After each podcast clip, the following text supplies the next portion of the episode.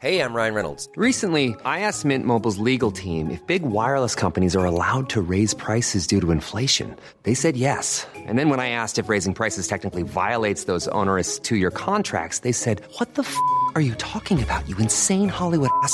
So to recap, we're cutting the price of Mint Unlimited from $30 a month to just $15 a month. Give it a try at mintmobile.com slash switch. $45 upfront for three months plus taxes and fees. Promo for new customers for limited time. Unlimited more than 40 gigabytes per month. Slows. Full terms at mintmobile.com.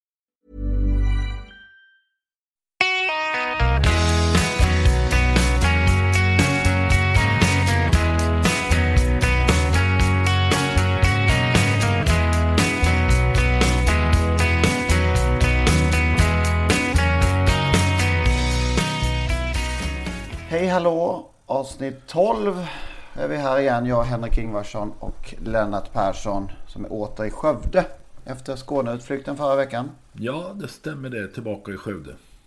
Ja, Och här alldeles nyligen nåtts av det tragiska beskedet att ja, hingsten vi har följt lite grann här i podden, Joke Face, har fått lämna jordelivet för att beta på de evigt gröna ängarna. Usch ja, usch ja. ja. Det var ingen rolig början på denna tisdag. Nej, det var tydligen så att Joke Face drabbades av något koliksymptom, något kolikanfall igår kväll och transporterades till djursjukhuset i Helsingborg. Eh, Där de öppnade buken och skulle operera men hans liv stod inte att rädda. Nej, Många sympatiyttringar både på vår sajt och på Facebook och på Twitter naturligtvis. Det här var ju en karismatisk häst som eh, var inte alldeles enkel att styra i loppen. Men som när han skötte sig hade en enorm kapacitet och det såg vi inte minst i Derbyt 2014 borde det varit va? Eh, där, 2010 naturligtvis, där han vann med Erik Adielsson i sulken. precis. Och i övrigt var det väl Sundsvall Open Trot och en seger i Rom som var de största segrarna va? Henrik Ingvarssons stad Rom. Ja, där fick han vinna också. Det var vackert. Du, det fanns en häst som hette Baron Gruff på 60-talet. Ja, vad var det? Den är känd Tränades för av Gösta sin, eh, Nordin och eh, spådde sin lysande framtid. Blev sjuk och eh, transporterades till eh, veterinärhögskolan tror jag det var. Där han kämpade under flera dygn för sitt liv. Eh, som inte gick att rädda. Göstas son Rolf vakade över hästen. Han gick bort och eh, en av kvällstidningarna, jag tror det var Expressen, hade rubriken Det är slut nu pappa. Okej.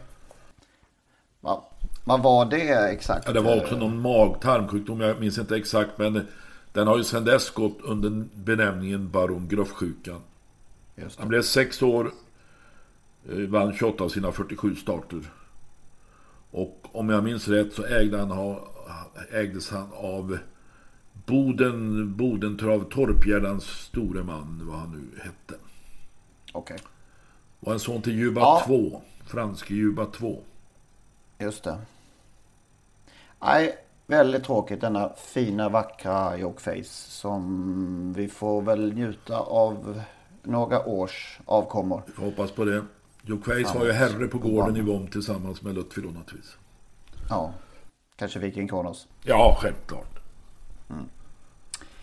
Ja, vi får gå vidare i alla fall trots detta. Livet går vidare. Och eh, det gör det ju. Och ska vi börja med att säga att vi också är en aning tagna på sängen efter eh, en blogg som jag skrev här i söndags eftermiddag om det här med fenomenet vinnarcirklar och vad som pågår i den. Eh, Det som borde vara platsen en, enbart för eh, en, ja, en oas för att fira vinster. För hästägare, och uppfödare, och tränare, och kuskar och, och allt vad det är. Eh, som jag tycker lite slentrianmässigt förvandlas ofta till spelsursplats. Även, är- även vinnarcirkeln är det ju så. så. Ja, Och, du träffade mitt i prick där tror jag Henrik. För att vi har ju sett var det så? oerhört många som har hyllat din text, hyllat din idé, dina tankar. Och eh, sympatier alltså. Det, är- det är uppenbart så att många vill ha det ska handla om travsport i vinnarcirkeln. Inte om vad denne kusk eller tränare ska göra i nästa lopp eller nästa lopp. För det vet de oftast inte. De har, vissa har inte koll på vad de kör. Tre ja, dessutom senare. det blir oftast slentrianmässigt det här, eh, det här snacket. Vad som, ja. du kör några till och knappt varken intervjuaren eller, eller kusken har koll på. Om minns jag rätt så var det till och med på Jägersro så att man ställde en fråga till en kusk. Kör du något mer idag eller har du någon mer chans idag? Det visade sig att han skulle byta om, åka hem eller i alla fall stanna kvar och titta på loppet. För han hade inget mer att köra. Ja. Nej. Så så pålästa är de oftast. Nej men det var uppfriskande och eh, lite glädjande att eh, så många ja, var inne på vår linje eller min linje och kan, vill se. Kan vi få något genomslag? Ja, vi hoppas. Jag, nu ska man inte tro för mycket om sig själv men jag inbillar mig igår när jag tittade på Mantorps sändning från eh, eh de körde V64 i måndags kväll att det var ett himla fokus på ägarna och eh, ing, inte, jag hade inte ett ord om, om kommande chanser för någon kusk. Eh, jag vet inte om han alltid är så duktig han på Mantorp som jag inte vet vad han heter men eh, ja det var uppfriskande det också. Eh, kan det vara så att ATG kanal 75 tv-producenter och tv-redaktörer har missbedömt alltihopa. Att de... Ja, är det, något, är det någonting större i det här vi ser? Bengt Adelsson skrev i Expressen för ett par veckor sedan tror jag, om engelsk galopptränare som hade samma tankar som du. Det var när ett nytt tv-bolag från den 1 januari skulle ta över galoppsändningarna i engelsk tv. Och det var alltså stortränaren Mark Johnston. Som skrävlade ta bort all eh, täckning av spelet. Teckningen är löjeväckande och till skada för bägge industrierna, sporten och spelet. Man kan titta på fotboll i timmar utan att höra spel nämnas en enda gång. Och det spelas ändå. Så det, ja, kanske är någonting på spåren i alla fall. Har vi testat det andra om man säger så? Nej, det tror jag inte. Eh, man, jag läste en kommentar, kommentar på vår sida av Björn Axelsson, den gamle hedersmannen på guiden och journalisten och mästertipparen som skrev att det vore underbart om man slapp allt spelstyrande tipsnack i tv-sändningarna. Nej, men det är en intressant tanke att väcka i alla fall. Mycket. Jag trodde jag var ensam om att nästan ha gått in i väggen av, av, av det här. Men det visar sig att det kanske jag inte är. Du. Kommer du ihåg... Uh, an, Alf G Larsson tänker du på. Alf G Larsson. Free Love ägde han, en väldigt fin häst. Men han var ju också okay. guiden-journalist och han hade sådana här hörlurar som byggarbetarna, eller inte hörlurar utan ja, som byggarbetarna har när de kör med maskiner. Alltså skydd. Skydd. Mm. Öronskydd. Just det. 20 år sedan kanske, 15-20 år sedan. Ja, han var den som först gick in i spelsorväggen. Ja. Vi hoppas att eh, Ja men som sagt, spännande. Att de lyssnar på det nu. Jag hoppas verkligen det. Ja. Ja. Många hoppas. Vi har fått oerhört många sympatiyttringar. Ja, vi, du la ut en undersökning och det var, var det 82-18? 82-18 ja. Och det var som knappt 200 mig. som har röstat. Och det är ganska... Eh, ja, det, det säger en del. 82-18 i procent tror jag det. Mm. Och vad gäller kommentarer och övriga reaktioner så var det i princip samtliga som en, en ifrågasättande och det var en av de här som sköter det där i vinnarcirkeln. Okay. Men jag tror inte han hade tänkt igenom det riktigt. Just när han Nej. tog det på volley. Mm. Johnny yes. Takter, apropå Mantorp så saknades Johnny Takter igår eh, på Mantorp i Briders kramförsöken där. Och han har ju tagit en time-out nu. Mm. Känner sig pressad, plågad, trött, motiverad. Mm. Och eh, nu vet vi inte vad som ligger, allt som ligger bakom detta naturligtvis. Men samtidigt känns, är det ju lite förvånat att inte fler hamnar där. Alltså de jobbar ju så intensivt och jagar segrar, jagar banor. Det är V75 var och varannan dag. De kör bil mellan två olika banor i 200 kilometer. I, ofta, ibland till och med i dressen för att hinna köra direkt när de kommer fram. Ja, det är en stor fråga man ofta har ställt sig. Att hur folk eller hur folk och jobbande i den här branschen står ut och orkar med. Det, ja, men det är ett speciellt liv och levande det här. Och eh, många, vi har ju haft några tidigare också som har, som har gått in i, i väggen. Va? Kai till exempel. Ja, han tog en paus. Ja. Och det blir väl sådär kanske. Sen finns det ju de som är kloka nog att ta långa semestrar. Erik Adielsson tog ju någon lång vila, paus. Mm. Hans-Petter Tolsen, norrmannen, min gamle vän. Eh, var alltid noga med att ta några semester på sommaren. Mm. Då är det extra svårt ju, för då är det ju verkligen högsäsong. Men nu, nu ska inte vi tjata på, utan nu ska vi lyssna på vår psykolog. Ja, som vi då till att börja med ställer frågan varför det inte är fler ändå i den här tuffa sporten som, som eh, sliter ut sig. Vi kopplar över helt enkelt. Ja, nej men det har slagit mig också att det låter ju när man hör hur, man, hur de jobbar så låter det jätteslitigt med så långa dagar och jobba året runt och aldrig vara ledig. Eh, men sen har jag lyssnat på lite intervjuer med tränare och kuskar och sådär och då har jag insett att det är ju faktiskt inte bara dåliga saker som man håller på med hela de här dagarna när man jobbar. Eh, och när vi pratar om stress så brukar vi prata om det här med balans mellan uppvarvning och återhämtning. Alltså det vill säga vad vi gör för någonting. Det är inte bara vad vi gör utan också hur vi gör det. Eh, så det är inte bara hur mycket tid som vi jobbar utan hur vi gör när vi jobbar. Och i en travtränares vardag så verkar det finnas ganska mycket av det som ja, många andra yrken faktiskt saknar. Till exempel. Vad kan det vara? Ja, alltså om man tänker sig någon som sitter på ett kontor hela dagarna så sitter man ju alldeles för mycket stilla. Man rör på sig alldeles för lite. Man har för lite naturliga pauser. Eh, vi är egentligen byggda för att liksom klättra och böja oss och ja, kliva över saker och sådär hela dagarna. Eh, och som man har mycket problem med då, med folk som sitter stilla hela dagarna. Medan då en travtränare i alldeles naturligt utan att behöva, ingen, ingen, ingen friskvårdskonsulent behöver komma och säga åt dem någonting utan de kommer naturligt göra saker, till exempel då röra på sig mycket mera än vad vi andra gör troligtvis. Eh, också göra någonting som många som jag har jobbat med beskriver att de har för lite av, att de får vara med djur. Det är en sån där sak som många människor beskriver som väldigt återhämtande, att få vara med djur. Eh, och så dessutom då förstås att vara i naturen, också en sån där sak som väldigt många beskriver är återhämtande. Så det ingår, ingår liksom återhämtning i själva jobbritualen, kan man säga? Ja, eventuellt då. Som sagt, nu är det inte jag som jobbar där, men man kan ju tänka sig vis. Sen beror det ju helt på hur man gör då förstås. Man kan tänka sig att Eh, men det är också det som folk som, som är mycket med djur beskriver, att det är svårt att tänka på andra saker när man är med ett djur. Alltså, man, det är svårt att tänka på hur det ska gå imorgon eller vad som ska hända sen eller vad vi ska äta till middag, utan det är lättare att, att vara i stunden man gör sådana aktiviteter. Samma sak när man är i naturen. Och det verkar vara återhämtande för många människor och är ju då troligtvis väldigt hälsosamt helt enkelt.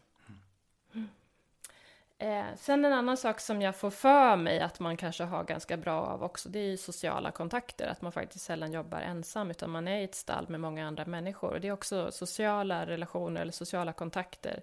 är också en sån där faktor som brukar vara buffrande för stress och få oss att må bättre. Som gör att vi faktiskt klarar högre belastning än vad vi annars skulle göra om vi var mer själva. Sen en annan rolig sak som när det gäller det här med att jobba året runt, det är ju det här att man faktiskt inte kan samla på återhämtning. Man får gärna för sig det där att, att all vila och allt liksom, all ladda batterierna och sådana där saker ska ske på semestern. Men det har ju stressforskarna tittat på lite grann och det är ganska roligt för vad man ser då är ju att till att börja med då veckan före semestern så går ofta stress hormonerna, de nivåerna går upp. Så vi är superstressade alldeles innan semestern, vi ska hinna jobba klart och få ordning på allting. Sådär. Sen första veckan på semestern så är vi fortfarande ganska uppvarvade och ganska speedade och ganska svårt att ta det lugnt och njuta som man pratar om att man ska göra på semestern. Ja, sen kanske man kommer ner lite varv under semestern eh, så att man är lite mera lugn eh, under semestern då. Lite grann förstås beroende på vad man gör på semestern också och hur det funkar.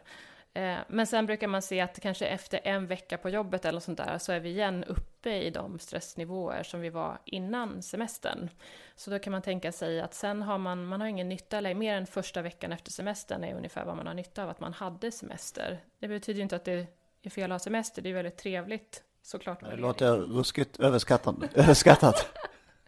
Svårt att säga det själv eftersom jag uppskattar att ha semester då, men, men om man tänker sig risken för att bli utbränd eller utmattad sådär, så, så är inte det en garanti för att man inte ska bli utbränd bara för att man har haft en lång semester, utan det är, det är snarare hur man gör i vardagen som avgör om man kommer bli utmattad eller inte. Um, just det. Sen en annan sak som man pratar mycket om inom stressforskning, det är det här med balansen mellan upplevda krav och upplevda resurser. Eh, och där kan man tänka sig igen då att det är inte bara hur mycket belastning som man har utan också vilken, vilken upplevelse man har, om man kan påverka sin egen situation, om man kan styra sin planering och hur mycket liksom, om man tror att man kommer kunna eh, reda ut situationen eller inte. Och det skulle kunna vara så, i alla fall för en del av de som jobbar inom travet, att man faktiskt har lite större möjlighet att påverka saker eh, än vad man kanske har eh, om man sitter un direkt under en chef som säger åt mig allt vad jag ska göra från morgon till kväll. Så Att man har ändå lite större frihet i jobbet, även om det är mycket att göra och det är belastande, liksom pressande så kan man ändå känna att liksom, ja, men det är jag som styr, det är jag som bestämmer. Det skulle också göra att man orkar en större belastning än vad man kanske annars skulle göra. Om man då ändå känner av att eh, det börjar och ta emot, vad kan, det, vad kan man göra och hur ser det ut? Ja, eh, så vad man kan tänka sig då är riskfaktorer, eller det som är skadligt, det är ju dels det här att det blir en obalans helt enkelt, att man har för lite möjlighet till återhämtning. Eh, att man har för mycket press och för lite aktiviteter under dagen som är återhämtande. Sen kan man tänka sig en annan riskfaktor förstås inom den här branschen också är ju den här liksom mer mental stress. Hur ska det gå med det här? Och där kan man tänka sig eh, personer som inte har riktigt lika bra, som det inte går riktigt lika bra för, som kan ha oro för ekonomin då, som är mer den här traditionella stressen som många andra känner igen, att man är orolig och funderar på hur det ska bli. Eh, som ju är mer destruktiv då än, än fysisk stress. Eh, och sen så har vi ytterligare en sån här som jag tänker mig kanske inte lika vanligt då i, som jag har förstått könsfördelning i den här yrkesgruppen då, men det, man ser ju det att det oftare är kvinnor som blir utbrända.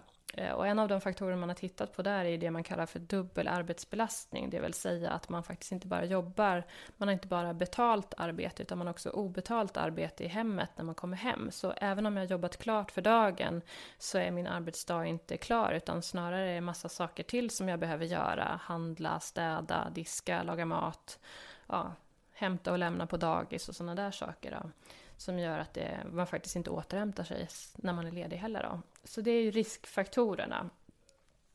Sen var det vad man kan göra för någonting då. Ja. Eh, och då, det är ju svårt att ge korta tips förstås, men det, alltså, någonstans brukar vi säga att det är en bra början är att förstås att se över hur det ser ut. Så. Och man kan tänka sig att det finns förändringar man kan göra i stora drag och i mindre drag. Stora drag är ju verkligen att se över helhetsbilden, liksom hur mycket har jag att göra här egentligen? Och, eh, är det så att jag gör för mycket eller att jag har för lite återhämtning? Är det någonting i min arbetssituation liksom, som jag faktiskt behöver ändra på på något vis? Det är ju de stora grejerna. Eh, men i det här lilla så finns det ju jättemycket. Eh, och det är mycket det som jag har jobbat med när jag har jobbat med stresshanteringskurser och sådana där saker. Det är ju att skapa, att göra de aktiviteter som jag redan gör idag, att se till att de blir mer återhämtande. Inte lägga in nya saker, utan försöka se till att det jag faktiskt gör ändå är återhämtande. Och en sån där sak det är ju att försöka eh, ta hjälp av de sakerna som jag gör för att rikta min uppmärksamhet på det jag håller på med för stunden. Det här man kallar för att leva i nuet. Och man kan ju tänka sig att det finns hjälpmedel där runt omkring en till exempel då djur. Så är jag med en häst så är det klart att jag kan försöka fokusera på att titta på hästen och lyssna på ljuden som jag har omkring mig och ja, försöka gå in i att fokusera på vad jag gör för stunden istället för att tänka på vad som ska hända härnäst eller hur dåligt det gick igår eller sådana där saker. Eh, eller när jag är ute i naturen, om jag är ute och kör en häst, så är det klart att det finns massa saker man kan titta på som gör att jag kan vara koncentrerad på det jag gör. Typ hur naturen ser ut runt omkring mig, hur det låter, titta på himlen, fundera på vädret. Det finns massa saker som gör att man försöker att, att vara mer närvarande. Och det har man ju sett att är man det så brukar varje... En vanlig aktivitet kan bli mer återhämtande bara i sig då. Så att försöka se till att de sakerna som jag redan gör är mer återhämtande. Um, risken med sånt här är att man väntar för länge, så att man helt enkelt, har gått för långt innan man börjar inse att det inte håller. Uh, utan en bra sak att göra är lite då och då fundera på hur min livssituation ser ut och fundera på om jag har för mycket och hur, vad det finns för saker. Och inte behöva göra förändringar i stora drag då, utan liksom se över lite grann och fundera. Kanske köra travlopp fyra och en halv dag i veckan istället för sex och en halv dag i veckan. Ja, absolut. Det, som sagt, det måste ju vara olika från person till person då, men man måste ju titta på vad är det som jag har att göra här egentligen och vad är det för någonting av de här sakerna som jag gör som är bara belastande? Vad av de här sakerna som jag gör är återhämtande? Finns det mer saker som jag kan lägga in? Eh, jag hade ett sånt där exempel med en sjuksköterska som jag jobbade med för länge sedan som kom på att liksom bara vägen hem från jobbet kunde hon börja läsa en bok istället för att sitta och gå igenom alla patienter hon hade träffat under dagen gav ju jättestor skillnad, bara den lilla grejen. Så att man behöver inte tänka sig att det ska vara stora saker alltid. Men plocka bort någon sak, göra om någonting, göra någonting lite annorlunda så brukar det stå stor effekt. Hur ofta borde man kolla?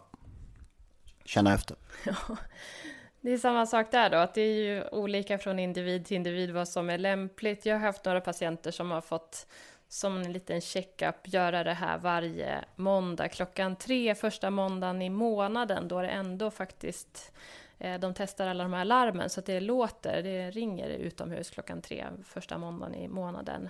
Det är sådana exempel, men det är inte säkert att man alltid känner att man har möjlighet till det. Och då kanske en gång i kvartalet är mer lämpligt, eller en gång i halvåret. Varannan klockaringning kanske? Ja, Precis, om man nu kan komma ihåg det på det viset. Risken då är ju att man tänker att det var förra eller något sånt där. Men visst. Någon form av check. Ja. Eh, och då kan man tänka sig då förstås att ju mer sällan man gör det, desto längre kan det ha hunnit gå åt fel håll då innan jag gör någonting. Så att, och det behöver inte ta lång tid, utan det är ju i princip bara att ställa mig frågan, hur ser det ut? Hur ser det ut för mig just nu? Har jag lagom liksom? Har jag för mycket? Har jag för lite? Finns det någonting jag behöver fundera på som jag kan göra annorlunda? Så det tar ju bara 5-10 minuter egentligen. Man behöver inte göra jätteavancerade planer av det, utan mer tänka till. Stanna upp en liten stund och fundera på det. Mm. Man kan ju kanske till och med, man kan ju till och med göra det tillsammans med någon. Så.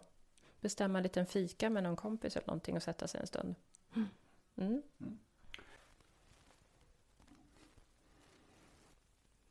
Ja, det var väl intressanta tankar. Av din hustru Sara Ingvarsson ska vi säga då. Ja, just det. Vi anlitar gratis Precis. Eh, experthjälp. Ja, kompetent sådan. Ja. Jag har väldigt stor respekt för hennes kunnande som psykolog och stressexpert. Ja, nej, men det är ju intressant att höra att det faktiskt inte behövs några längre pauser kanske om man jobbar med det man eh, tycker om och och eh, få andhämtning av eh, i, i sitt yrke så att säga. Under att man, att man verkar i stunden och tar in intryck och inte svävar iväg om vad man ska göra på kvällen och ja, lever i stunden. Det kanske är, ligger någonting i, både i det och att man bör tänka sig för och eh, tänka efter. Kanske med jämna mellanrum titta över sin situation hur man, hur man lever sitt liv. Ja, de flesta tycker väl det här är jätteroligt naturligtvis. Samtidigt är det ju press då från hästägare, från tränare, från journalister och från spelare inte minst. Nu för tiden så ser man ju varje dag när kuskar får löpa mer eller mindre gatlopp eh, i sociala medier efter att ha kört bort eller missat med någon häst som just ja, som är spelad av ett antal människor. Ja, visst. ja den aspekten har ju också tillkommit de sista åren. Det här med att ständigt vara nårbar, om man säger så. Precis. Mm. Ulf Thoresen, en av världens bästa, kanske den allra bästa, han brände ju sina ljus i båda ändarna.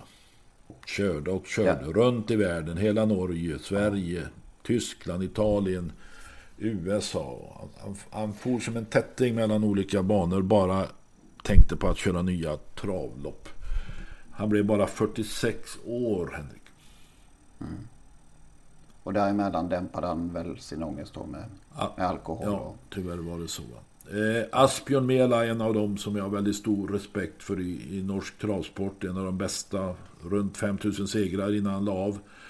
Eh, sa något, jag läste någon eh, kommentar, något citat av honom häromdagen som gällde Ulf Thoresen. Det kommer aldrig en kusk som han igen. Det kommer rätt och slätt ingen ny Ulf Thoresen. Han kunde omvandla mjölksyra till energi. Han hade en enastående kemi med djuret. Det är poetiskt. Ja, faktiskt. Och mjölksyra till energi. Han körde en häst åt mig en gång som heter Victor Molin som var slagen av finitoloid hela upploppet. Men han lyckades förvandla den här mjölksyran till energi och Victor Molin lyckades slå finitoloid. Okej. Anders Lindqvist, gamla hjälte va? Finitoloid som var stor favorit. Jag minns förresten Thoresen när han var på EM eh, för kuskar här eh, på Axvalla en gång i tiden. De bodde på Brännebrona värdshus utanför Götene. Thoresen var sist i säng vid tretiden på natten. Han var först vid frukostbordet när det öppnade 06 med en cigarett i mungipan. Så han eh, vilade verkligen inte när han hade möjlighet. Nej. Nej men det var, tyckte, vi tyckte att det var värt att lyfta det, det, här, eh, det här ämnet ytterligare ett plan. Jag hoppas att det uppskattades. Det hoppas vi verkligen. Att, att vidga vyerna lite, det är aldrig fel. Och, och tänk er för eh, alla där ute. Att man stannar upp någon gång. Jag vet att du eh, körde hårt också en period i livet. Ja, det var under sportchefstiden där på GP. Kanske 15, 16, 17 timmar per dygn under en period där. Men det, jag håller nog med Sara, det var väldigt roligt. Så jag kände mig aldrig riktigt pressad. Eh, Jag var yngre och hade ingen annan att ta hänsyn till. Och så hade jag en väldigt bra granne som när jag skulle cykla hem på kvällen till Redbergsplatsen hörde av sig och sa att om du vill äta några havskräftor så är du välkommen in. Och det blev en och annan stänkare också. Granne och stänkare hör ju tillsammans. Att, eh, Ja, just men det gick, jag överlevde det också. Men det är klart, man, efter några år så tog man slut och eh, kände att nu har jag gjort mitt. Och så byt, hade jag då möjlighet att byta. Just det. Så i längden så kanske man ska... Nej, nu tycker jag Som sagt. bara vila är bra. Ja, precis. Du, Apropå Ulf Thoresen så är det Ham- Hambletonien den här veckan.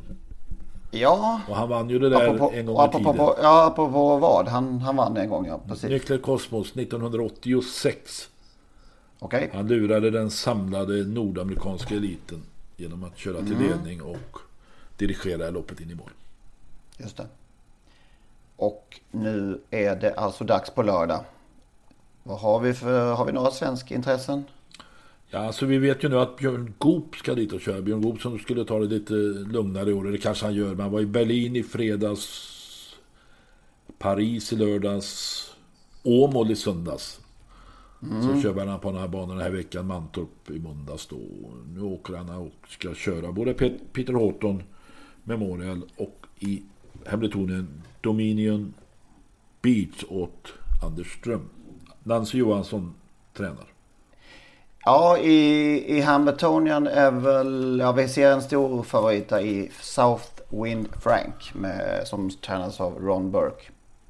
Yannick Greengrass kommer köra. En son till Muscle Hill, är du förvånad? Nej. Det verkar vara ett måste. Däremot i eh, Peter Horton är ju svenska eh, stora chanser. Jimmy Takter har ju alla tre försöksvinnare trots att det bara var två försök. Var det dött lopp Ja, igen? är ett lopp. King Ah, on the har Hill och Rubio. King, of the Hill, Okej. King on the Hill, en son till Lantern Kronos som är då syster med Going Kronos. och som ägs av Göran Falk va? Ja, bland annat. Och Göran Anderberg, heter han så? Anderberg i alla fall. Just det. I Hamiltonian så har, eh, vad heter han nu då? Lars Ågren? Nej, Leif. Nej, vad heter han? Lars, Lennart Ågren. Lars Ågren är referent på Axvall. Ja, Lennart Ågren som nu förra veckan kö- köpte Sveriges dyraste auktionshäst. Just det. Har Brooklyn Hill, Jonas Tjärnessons häst till Ja. start. Och för att återkomma till Peter Horton så kör Björn Goop då åt Jimmy Takter Victor Geo Hit som är en son till Reddy Cash. Ja, det är ju spännande. Det är mycket, en fransk häst, en fransk hingst som har en avkomma som kan vinna Hembletonien. Det är exotiskt. Exotisk och den fina mamman Ilaria Jet. Just det. Var det Hamilton? Var det inte Peter, Peter Horton? Horton ja. Pitterot. Ja, just det. Mm. Kommer du sitta bänkad på lördag? Kväll går de väl Det loppen va? vågar jag inte svara på. Jag kommer läsa noggrant eh, på morgonen efter. Men jag är inte säker på att jag tittar. Men det går väl i rätt så hyfsad tid där på, på lördag. Ja, det går mitt på kvällen där. Ska vi gå vidare då? Eh, Dussinet fullt som sagt vad gäller poddavsnitt. Och vi har fått ganska mycket uppskattning under tiden. Det får man ändå säga va? Ja, absolut. Eh, Men inte av sagt, alla. avsnitt 12. Inte alla riktigt. Eh, Nej, men så är det ju naturligtvis. Ja, ja. En del gillar radio, en del gillar inte radio. Och kanske alla inte har fått in det här med podcast fullt ut eh, heller. Någon skrev i våran kommentar det är en fluga som snart försvinner. Jag tror inte det. Det sa man om internet också kanske en gång i tiden. Ja, det var någon som gjorde det. Det har hon fått äta upp. Men radio, jag tycker det är trivsamt. Jag lyssnar eh, ganska mycket på radio. Jag ser mindre på tv. men Jag gillar radio och eh, Ja, jag också. Podd. Och framförallt så tycker vi också att det här är rackarns kul. Så att eh, vi kommer nog gneta på ett tag. ja, det tror jag. Och många uppskattar ju framförallt under sina... Jag tror vi bidrar till folkhälsan. Folk promenerar och lyssnar på våra poddar. Okej, ja det, är- det är vi- glada för i så fall. Vad är lagom längd då? Vad är lagom promenad? Ja, jag behöver 5 kilometer. Då tar det 45 minuter nu för tiden. Så att jag behöver ju då 45 minuter. Men jag vet ju också att det finns de som är snabbare i spåret. Ja, vi har fått synpunkt från eh, Travvalens förre chefredaktör Ola Lerner som vill ha prick 40 minuter. Har- Inte, inte en sekund mer och inte en sekund mindre. Eh, det passar nog hans promenad där ute i, radhusområdet i, där han bor. Men när han börjat jobba hos Svante Båth så kanske han förbättrar den här tiden. Då får vi sänka till, till 38 snart. Ja, just det. Ja, vi får se. Men du har väl jobbat lite mer eh, med vanlig radio också? lite eller? grann, lite krönikör och panelhöna i Radio Skaraborg. Inte särskilt mycket men eh, Okej. eh, det som slår mig lite grann med radio är att man inte borde bli igenkänd. TV-ansiktena blir ju igenkända överallt. Radio är man mer anonym. Men står man i Systembolagskön och öppnar munnen så känner någon igen rösten. Ja, ja, ja, ja. Det sa Tom Aland någon gång också. Han, han, han syntes ju aldrig i, i bild i sina dokumentärer. Alltså, när han träffade på Fan är det Aland? Ja. När han öppnade munnen. Han hade en synnerligen speciell röst dessutom. Ja, Eller har. ha, har. Ja. Jag har varit med en gång i radio. I, när jag i Radiosporten blev tillfrågad om när Holger Elit blev inbjuden med eh, nästa FF. Som jag tyckte var fullkomligt skandalöst. Och det sa jag också där. Det är den enda gången jag har varit, varit med i riktig radio. Kan bli någon mer gång. Det vet man aldrig. Kanske. Man vet aldrig. Sen har jag ju en intervjupodcast också. Man får räkna det som radio. Ja, och då behöver man vara maratonlöpare om man ska lyssna på den. Ja, de är oftast över en timme. Jag ber om ursäkt. Men de är ganska uppskattade de också. Så att Ja. några som gillar. Ja. Ja. Eh, har nu, nu, nu vågar man snart inte fråga fler gånger. Men har du någon mer vinnare? Hur många raka är det nu? Nej, fyra av fem tror jag det är. Fyra av fem. Är det inte bättre än så? Nej, jag bara... Har Ja, kanske någon mer där. In Men varenda... fem se- senaste så är det fyra vinnare. Så mycket vet jag. Ja, okej. Och... Ja, eh, det är häpnadsväckande. Ja, det är väl helt okej då va? Jag, nu, Jag får, all, jag får aldrig någon chans att ta över stafettpinnen bara. Men det, det, jag ska ge dig chansen efter den här veckan. För nu, ja. Min vinnare vill du alltså veta. Ja, Nummer två i avdelningen Liberty Face. Femma senast, säger det kanske inte så mycket, men svarar för ett enormt slutvarv. Möter sämre hästar den här gången, har bra startspår och en mycket bra kusk i Per Lindroth. Just det, Liberty Face. okej. Är det spets och slut eller vad Ja, det är, han får köra hur han vill bara han vinner. Ja, Jag säger som tränarna, det är kuskarna som bestämmer taktiken. just det, just det. Och så vill jag varna för den där Anders Svanstedts häst i gulddivisionen. Vad heter han nu då? Hilastrius. Illustrious. Den tycker jag har sett makalöst fin ut men har haft enorm otur på slutet. Nu möter han Wollsted och några till men det är ett skrällbud. Om man garderar, som det brukar heta. Just det. Wollsted gör väl genrep här inför jubileumspokalen kan man tänka. Okej. Nu ska inte vi ha mer tipssnack i det här programmet. Tack. Nej, det får duga. Så. Vi ska väl ta kanske bästa sämsta i veckan. Ja, bör, du? börjar du. Någonting där. Ska jag börja? Det sämsta börjar jag med då. Jag har gunnat lite på tävlingsschemat i, under sommaren. Det är ju, sitter ju bergfast de här traditionella dagarna och det kanske är svårt att rucka på. Det är en komplext eh, situation. Men det blir ju lite knasigt tycker jag. Eh, först kör, och då tittar jag på V75. För först kör man i Kalmar. Sen kör man Halmstad, Halmstad. Årgäng förvisso. Men sen Axevalla, Axevalla. Axevalla kan man nästan köra, eh, säga. Och sen Jägersro och Åbergs. Och efter det då, när man har varit i söder så länge. Så kommer det Bollnäs, Rättvik och Dannero igen i ett svep. Det känns lite märkligt. Ja, jag, jag ställde den där frågan till dem. Tradition. Mm. Tradition är till för att brytas i alla sammanhang tycker jag. Okej. Okay. Men, ja, kanske man kan eh, pilla runt det på något sätt. Ja, man tycker det. Alltså, det blir väldigt begränsat. Uh, tränare vill inte åka med sin hästar allt för långt. Och nu ska man då köra den här veckan uh, på åtta dagar. Bollnäs, Rättvik, Dannero. Mm. Lite mer samarbete och lite mer bättre planering så kanske man inte behöver ha så tunna fält som det var under Åbergskvällen. Jag vet inte. Kanske kan vara en förklaring i alla fall. Kanske det. Kanske. Du då, sämsta? Ja, det är absolut det här som hände i Bollnäs när det var ett fullständigt ösregn och kuskar varken såg eller hörde. Och domarna, måldomarna och rikstotofunktionärer och allt vad det var inte hade tillräcklig känsla för att skjuta på starten i fem, kanske tio minuter. Eh, nu råkade Oskar J. Andersson illa ut, ledde volten illa två gånger. Jag tror inte han hörde särskilt bra kommandoorden. Han gör så normalt, inte så normalt, det tror jag inte. Och den som såg Erik Adielsson på upploppet förstod jag att... Ja, det var ju en pås som, eh, som, som såg ut som han eh, flydde för livet. Ja, och han var också kritisk efter Erik, alltså, som är diplomatisk och ännu mer diplomatisk ja. nu sen han kom med SDs styrelse. Men han var ju väldigt kritisk mot att eh, de släppte. Sen förstår jag inte Staffan Falk dom. Men det var, när det regnade inte så, så Nej, det regnade inte så vanligt enligt domarbasen Staffan Falk. Han måste ha varit någon annanstans. Jag gillar ju den där Staffan Falk faktiskt. Men här var han ute på djupt vatten, får man säga så. ja, i det här sammanhanget. Ja, nej, jag vet inte hur mycket det ska regna om det ska vara. Det var ett, mist, ett felbeslut. Och jag tror ja. inte man hann få på stänkskydd och visir för kuskarna och sådär. Man skickade ja. ut 12 kuskar, 12 hästar, det blev väl 11 till slut då.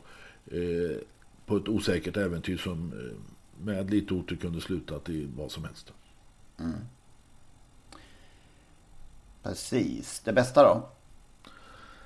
Ja men det var kanske att eh, jag sålde en, vi sålde en häst som jag följt upp eh, på auktionen i måndags hos Colgin och efter det så kände jag att det här var den sista. Och sen gick det natt? Så gick det natt så köpte vi Edge Bocco som du också är med på numera. Ja, fanken gick det här till. Jag la ut det där, eh, det är ett långtidsprojekt, en skadad, återigen skadad Älvsbocco som jag gillar skarpt. Ett långtidsprojekt, han ska kastreras om ett par veckor. Sen ska han vila ett år. Och så frågade jag då på sociala medier om någon var intresserad av att vara med. Jag fick 30-40 svar tror jag. Eh, sen valde jag nog ut om jag tror har samma uppfattning som jag i den frågan att inget tjat om start på det närmaste året utan nu ska han få chansen att komma tillbaka. Mm. Apropå det här med andelar så har det förekommit vid några tillfällen att tränare har sålt hästar till flera ägare utan att de har vetat om varandra. Och det kunde ha gjort ja, du skulle, ja, ja, visst, du skulle ju sålt 30 här. 30 andelar och sen tagit in 30 månadsavgifter och efter ett år sagt tyvärr grabbar och tjejer han kan inte. inte komma till start. Det hade varit en bra affär. ja. Ja, det var illa planerat. Ja, eller så är det kanske... Det blir i alla fall spännande att se. Han kommer eh, till sitt nya hem idag tisdag. Mm. Verkligen spännande. Och inget, inget projekt utan vi kallar, tycker vi kallar det för en kärlekshistoria ja, istället. Det här projektet. Förlåt, förlåt. eh, ja, nej men för det är, det är ju en jätte... vi tror ju att det finns en väldig kapacitet i hästen om man kom, kan komma tillbaka efter sin gaffelbandsskada Det, som man har. ändå, det är väldigt många som gillar honom och vi har fått väldigt många lyckönskningar. Lyck, ja, lycka till helt enkelt. Så må, Mm. Ja. Många kommer följa vår lille Edge Boko. Ja. Och vi lovar att återkomma i ämnet. ja, vi kommer med löpande rapporter kan vi säga. Bästa för mig det var fan i mig Sven Melander av alla människor. Som eh, i en film på nätet stod upp för Sara Larsson häromdagen. Lite oväntat tycker jag. Och det, jag skiter i om folk tycker att, att, det, var, att det verkar kreddigt. Och det, han fick höra att han var populistisk och att han gjorde det för att, för att vinna, vinna fördelar på andra sätt. Men ah, Jag tror inte han behöver vara populist. han, han är 69 år. ja, och haft jobb i hela sitt liv och slog igenom på 80-talet. Och ska det, skulle det här vara för att han ska breaka vid 70 års ålder? Det tror jag inte riktigt. nej, Nej, om jag inte älskade Sven Melander innan så gör jag det nu. Och Sara Larsson. ja. Ja. Har vi något mer? Lärna tid där ute. Är den det? Ja. Ja, det är den faktiskt. Då, är det bäst. Då gör vi bäst i att avrunda. Och så minns vi... Jag ska ett tips också. Emil Jensens sommarprat. Lyssna på det om ni inte har gjort det. Vi har pratat om lite sommarprat. Eh, tidigare veckor här. Jag lyssnade på någon i veckan. Jag ska inte tala om vem det var för att jag kan inte rekommendera lyssning. Nej.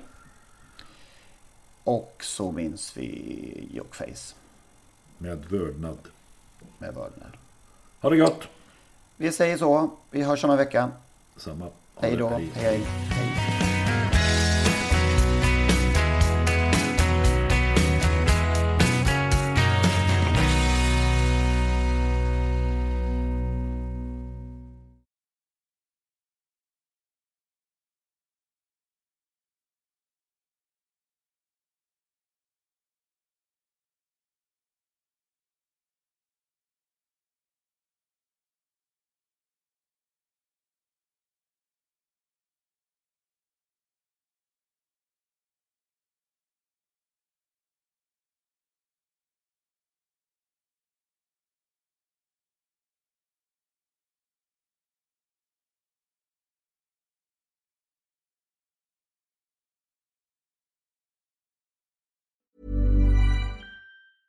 Mom deserves the best, and there's no better place to shop for Mother's Day than Whole Foods Market. They're your destination for unbeatable savings, from premium gifts to show-stopping flowers and irresistible desserts. Start by saving 33% with Prime on all body care and candles. Then get a 15-stem bunch of tulips for just $9.99 each with Prime. Round out Mom's menu with festive rosé, irresistible berry chantilly cake, and more special treats. Come celebrate Mother's Day at Whole Foods Market.